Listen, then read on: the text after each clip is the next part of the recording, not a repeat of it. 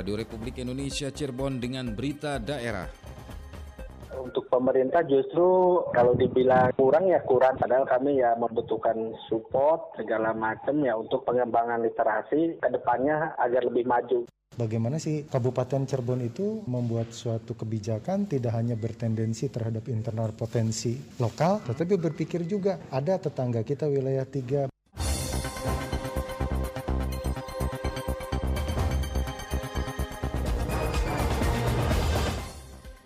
Sari Berita Komunitas Rumah Baca Lembur Kuring tetap menggiatkan kegiatan literasi meski di masa pandemi COVID-19. Pelaksanaan kegiatan belajar mengajar secara tatap muka di Kabupaten Cirebon masih dalam kajian. Bersama saya Iskandar Zulkarnain, inilah berita daerah selengkapnya.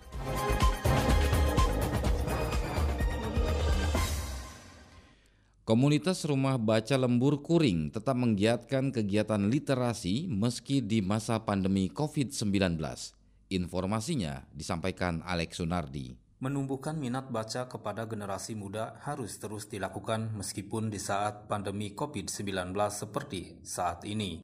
Hal ini pula yang dilakukan komunitas Rumah Baca Lembur Kuring yang berada di Desa Pamengkang, Kecamatan Mundu, Kabupaten Cirebon yang tetap menggiatkan kegiatan literasi bagi generasi muda.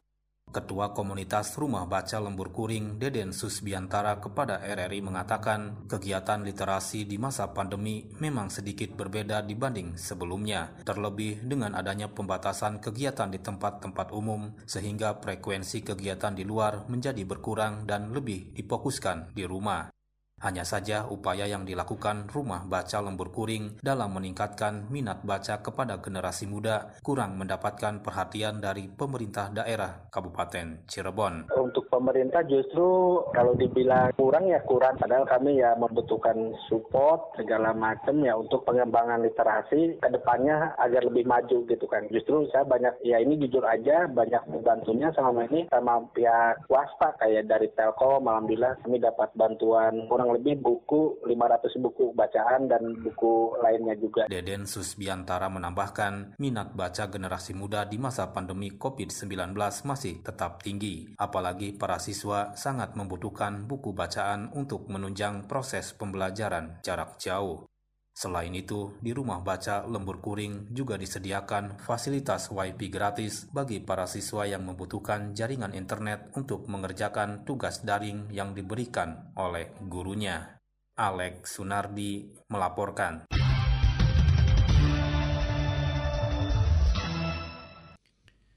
Pendengar berikut komentar masyarakat mengenai literasi di masa pandemi COVID-19 yang berhasil dihimpun RRI. Saya Ani, profesi saya sebagai jurnalis. Dengan adanya pandemi COVID-19 ini yang memaksa kita lebih banyak waktu di rumah, terlepas dari semua kesulitan yang muncul akibat pandemi ini, menurut saya ada banyak hikmah yang bisa kita manfaatkan dengan lebih banyak waktu di rumah. Terutama mungkin kebiasaan membaca yang selama ini agak dilewat atau dilupakan.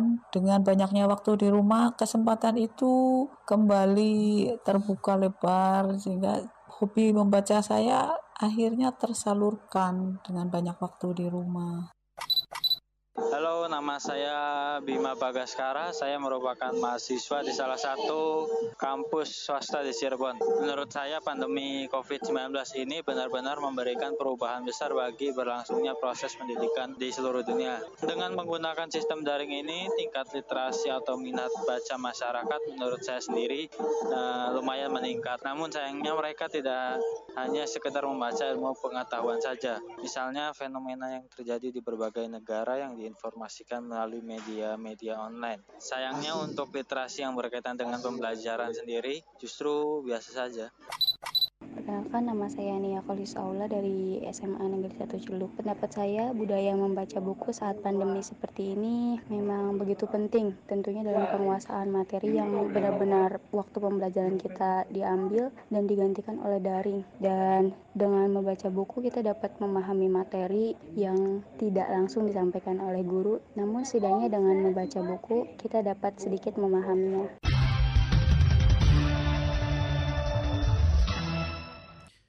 Untuk membahas lebih lanjut mengenai literasi di masa pandemi COVID-19, kita ikuti wawancara reporter Yulianti dengan akademisi Cirebon, Dr. Arif Rahman, MSI. Bagaimana menurut pandangan Pak Arif sendiri berkaitan dengan literasi saat pandemi COVID-19? Karena memang pandemi COVID-19 ini memberikan dampak yang sangat luas di kehidupan kita.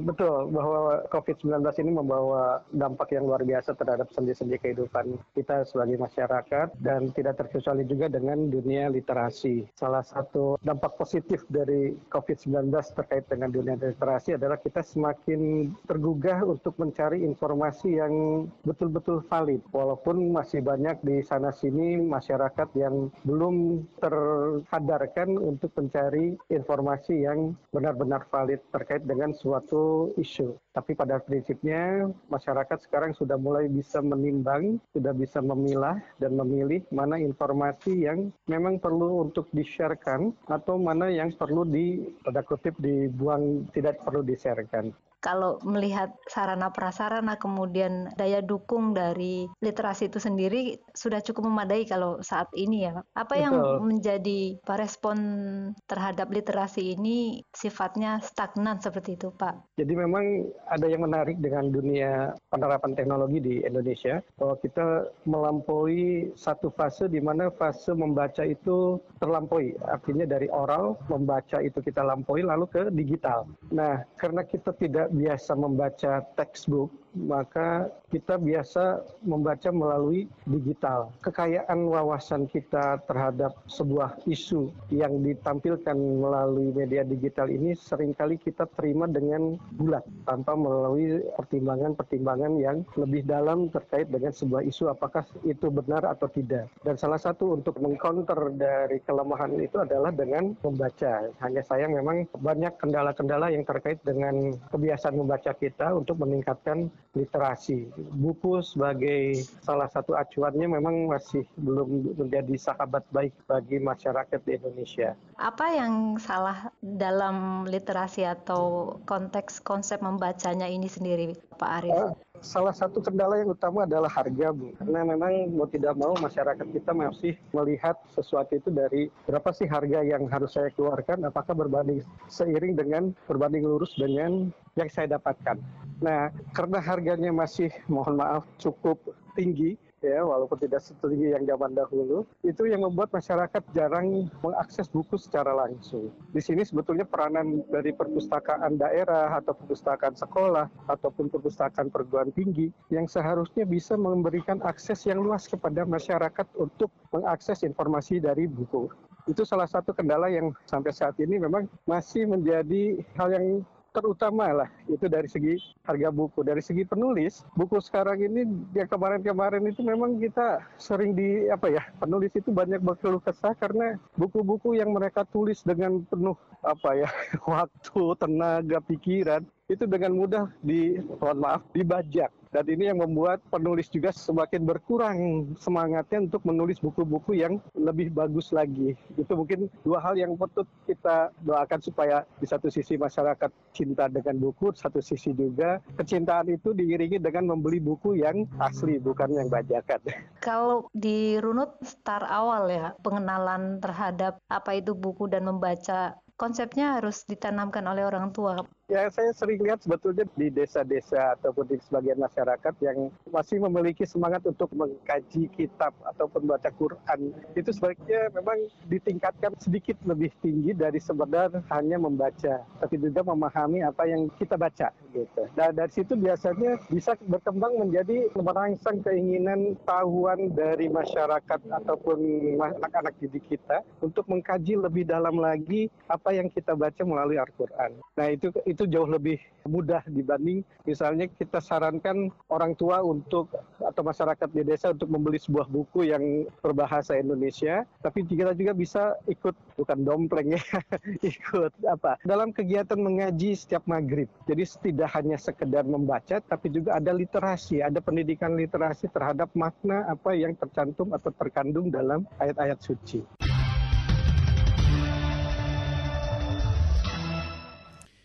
Gugus Tugas Percepatan Penanganan COVID-19 Kabupaten Cirebon rumuskan regulasi protokol kesehatan yang diperkuat pada masa AKB. Informasi selengkapnya dilaporkan Cece Rukmana. Gugus Tugas Percepatan Penanganan COVID-19 Kabupaten Cirebon kemarin di ruang Paseban Setda Kabupaten Cirebon melakukan evaluasi masa adaptasi kebiasaan baru AKB susulan tahap pertama dan kedua. Sekretaris Gugus Tugas Percepatan Penanganan COVID-19 Kabupaten Cirebon, Alex Suheryawan mengatakan, evaluasi tersebut menghasilkan beberapa poin, di antaranya menginventarisir masalah yang terjadi pada masa AKB. Selain itu, menghitung potensi mengatasi masalah, antara lain ketersediaan tempat tidur di rumah sakit, berbagai berbagai sarana prasarana seperti bahan di masing-masing sektor serta fenomena yang terjadi di masyarakat. Dari temuan-temuan masalah itu terumuskan solusi di antaranya regulasi atau kebijakan. Dari usulan-usulan rapat tentang solusi Santi nanti akan dibentuk atau direalisasikan, diwujudkan dalam bentuk regulasi, kebijakan. Di antara contohnya misalkan surat edaran bupati. Kemudian yang kedua solusi yang timbul juga yang bisa dilakukan adalah bagaimana terus mensosialisasikan, terus juga melakukan tindakan-tindakan preventif terhadap penyebaran virus yaitu sekarang kita sedang melalui masa-masa terapan sanksi pertama kedisiplinan protokol kesehatan dalam bentuk penerapan sanksi apabila tidak menggunakan masker. Setelah evaluasi ini kita masuk ke tahap lima hari, tahap kedua nih masuk ke kemarin kan sanksinya sanksi ringan. Kemudian nanti kita masuk ke yang kedua tahapannya adalah sanksi sedang atau kemudian nanti yang ketiga setelah settle informasi sosialisasi masyarakat juga dipenuhi segala potensi maskernya, mulai dibagikan secara masif. Nah kita adakan sanksi berat. Harapannya itu tidak terjadi, tidak banyak pelanggaran yang ada. Terkait posisi zona Kabupaten Cirebon, Alex Suheryawan menuturkan dalam kondisi AKB semua zona dipastikan fluktuatif. Kabupaten Cirebon diharapkan bertahan di zona dengan progres yang positif. Penegakan protokol kesehatan dilakukan secara masif, terutama di kecamatan prioritas utama dengan indikator zona merah yang banyak terjadi pelanggaran tidak menggunakan masker sehingga masyarakatnya terpapar atau terkontaminasi COVID-19. Penegakan aturan juga dapat dilakukan pada zona hijau dengan langkah atau perlakuan terhadap pentingnya penggunaan masker yang bisa termapping dengan baik.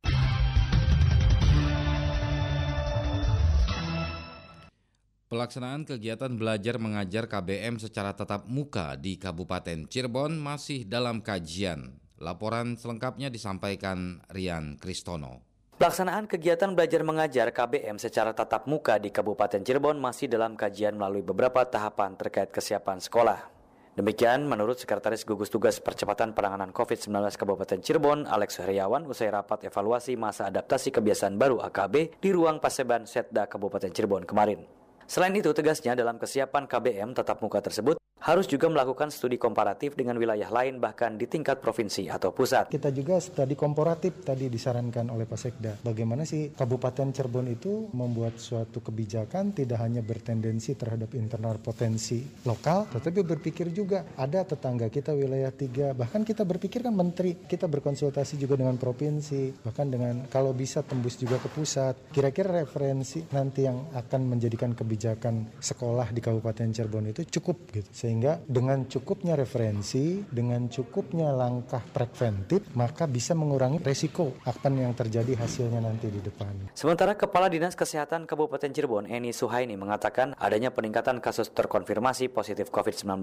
maka KBM secara tatap muka ditunda. Bila KBM tatap muka harus dilakukan, pihak yang meminta agar dilaksanakan untuk daerah yang zero kasus, termasuk diawali dengan simulasi. Semua sepakat, asal protokol dijalankan dengan ketat dan ada simulasi dulu. Kalaupun harus dilakukan tatap muka itu di yang Jero ya. Yang Jero itu ada tiga kecamatan. Kecamatan Greget, Pangenar, dan Waled. Itu diuji cobakan dulu. Tetapi tentunya dengan 14 hari dilihat ada pengawasan si anak ini dari mulai datang diukur suhunya, kemudian di anamnese orang tuanya habis perjalanan atau tidak itu. Jadi selama 14 hari nanti dilihat di diawasi. Eni Suhaini mengungkapkan dalam penerapan protokol kesehatan, kesiapan sarana prasarana sekolah harus sudah terverifikasi oleh Dinas Pendidikan, seperti ketersediaan tempat cuci tangan di setiap kelas, jumlah siswa yang belajar, serta penggunaan face shield.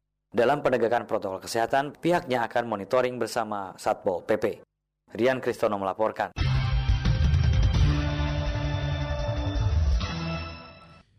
Lulusan Akabri Angkatan tahun 89 memberikan bantuan sosial kepada masyarakat terdampak pandemi COVID-19. Laporan Aji Satria.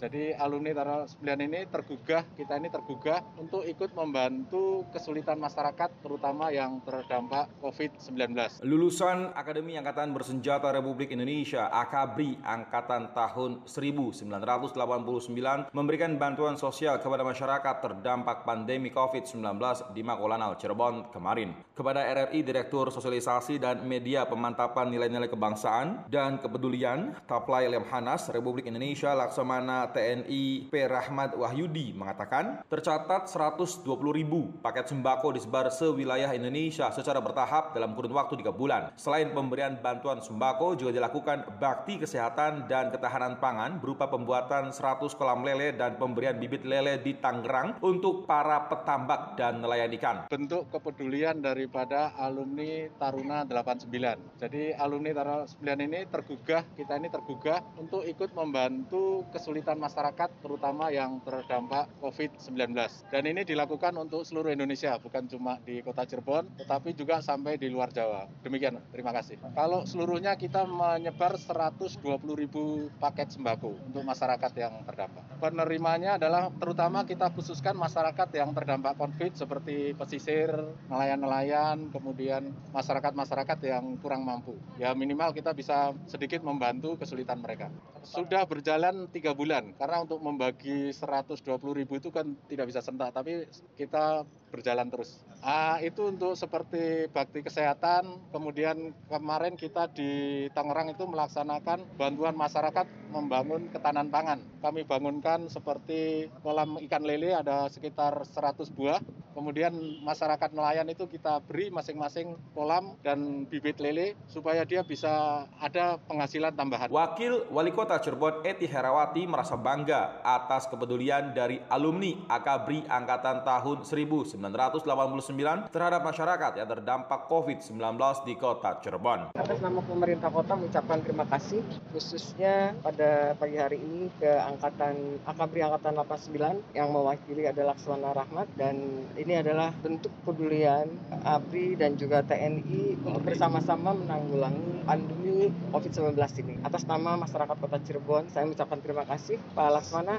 dan mudah-mudahan diikuti seluruh tataran masyarakat dan juga instansi instansi. Terima kasih. Kalau lihat persenan, saya per hari ini yang jelas dari pemerintah kota, pemerintah pusat, pemerintah provinsi, dan juga dari Kapolres, TNI, dan semua turun serta untuk bersama-sama memberikan apa ya? Kalau menurut saya sih sebuah kewajiban kita untuk berbagi. Di bulan Ramadan kita full semua rasanya turun semua. Betul. bersama Pak Kapolres masuk turun semua. Dan per hari ini masih tetap berjalan. Jadi mudah-mudahan agak sedikit ya waktu pertama kita agak sedikit ritmenya agak begitu kenceng per hari ini enggak ya Pak Kapolres ya landai cukup. Jadi karena kita memang saling bantu membantu dari pusat sampai bawah dan sampai masyarakat sendiri. Yang jelas masyarakat juga berpartisipasi ikut serta untuk menjaga kondusivitas. CSR juga dari berbagai berbagai instansi selama pandemi ini turun. Jadi saya mengucapkan terima kasih tidak saja ke pemerintah pusat, provinsi dan kita dan instansi terutama Polri, tapi seluruh masyarakat yang pada hari ini bergandengan tangan saling berbagi. Komandan Lanal dan Lanal Cirebon Letkol Laut P. Afif Yuhardi Putra mengatakan khusus bagi warga pesisir dan nelayan di kota Cirebon diberikan seribu paket sembako. Aji Satria melaporkan.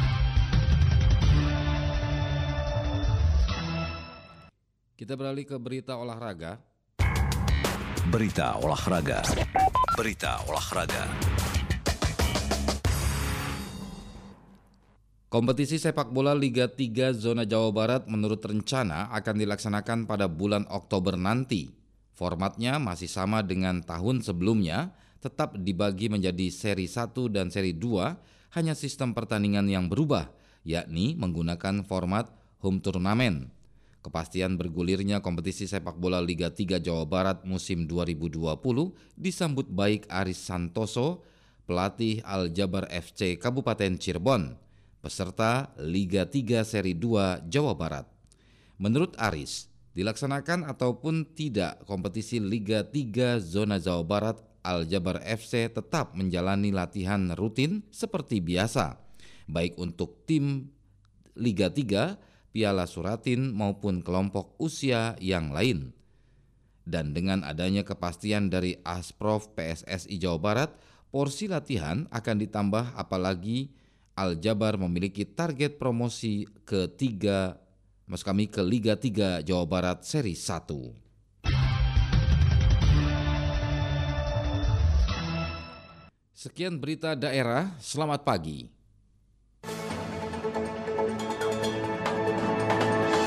Demikian rangkaian berita aktual pagi ini dalam Buletin Berita Daerah Radio Republik Indonesia Cirebon.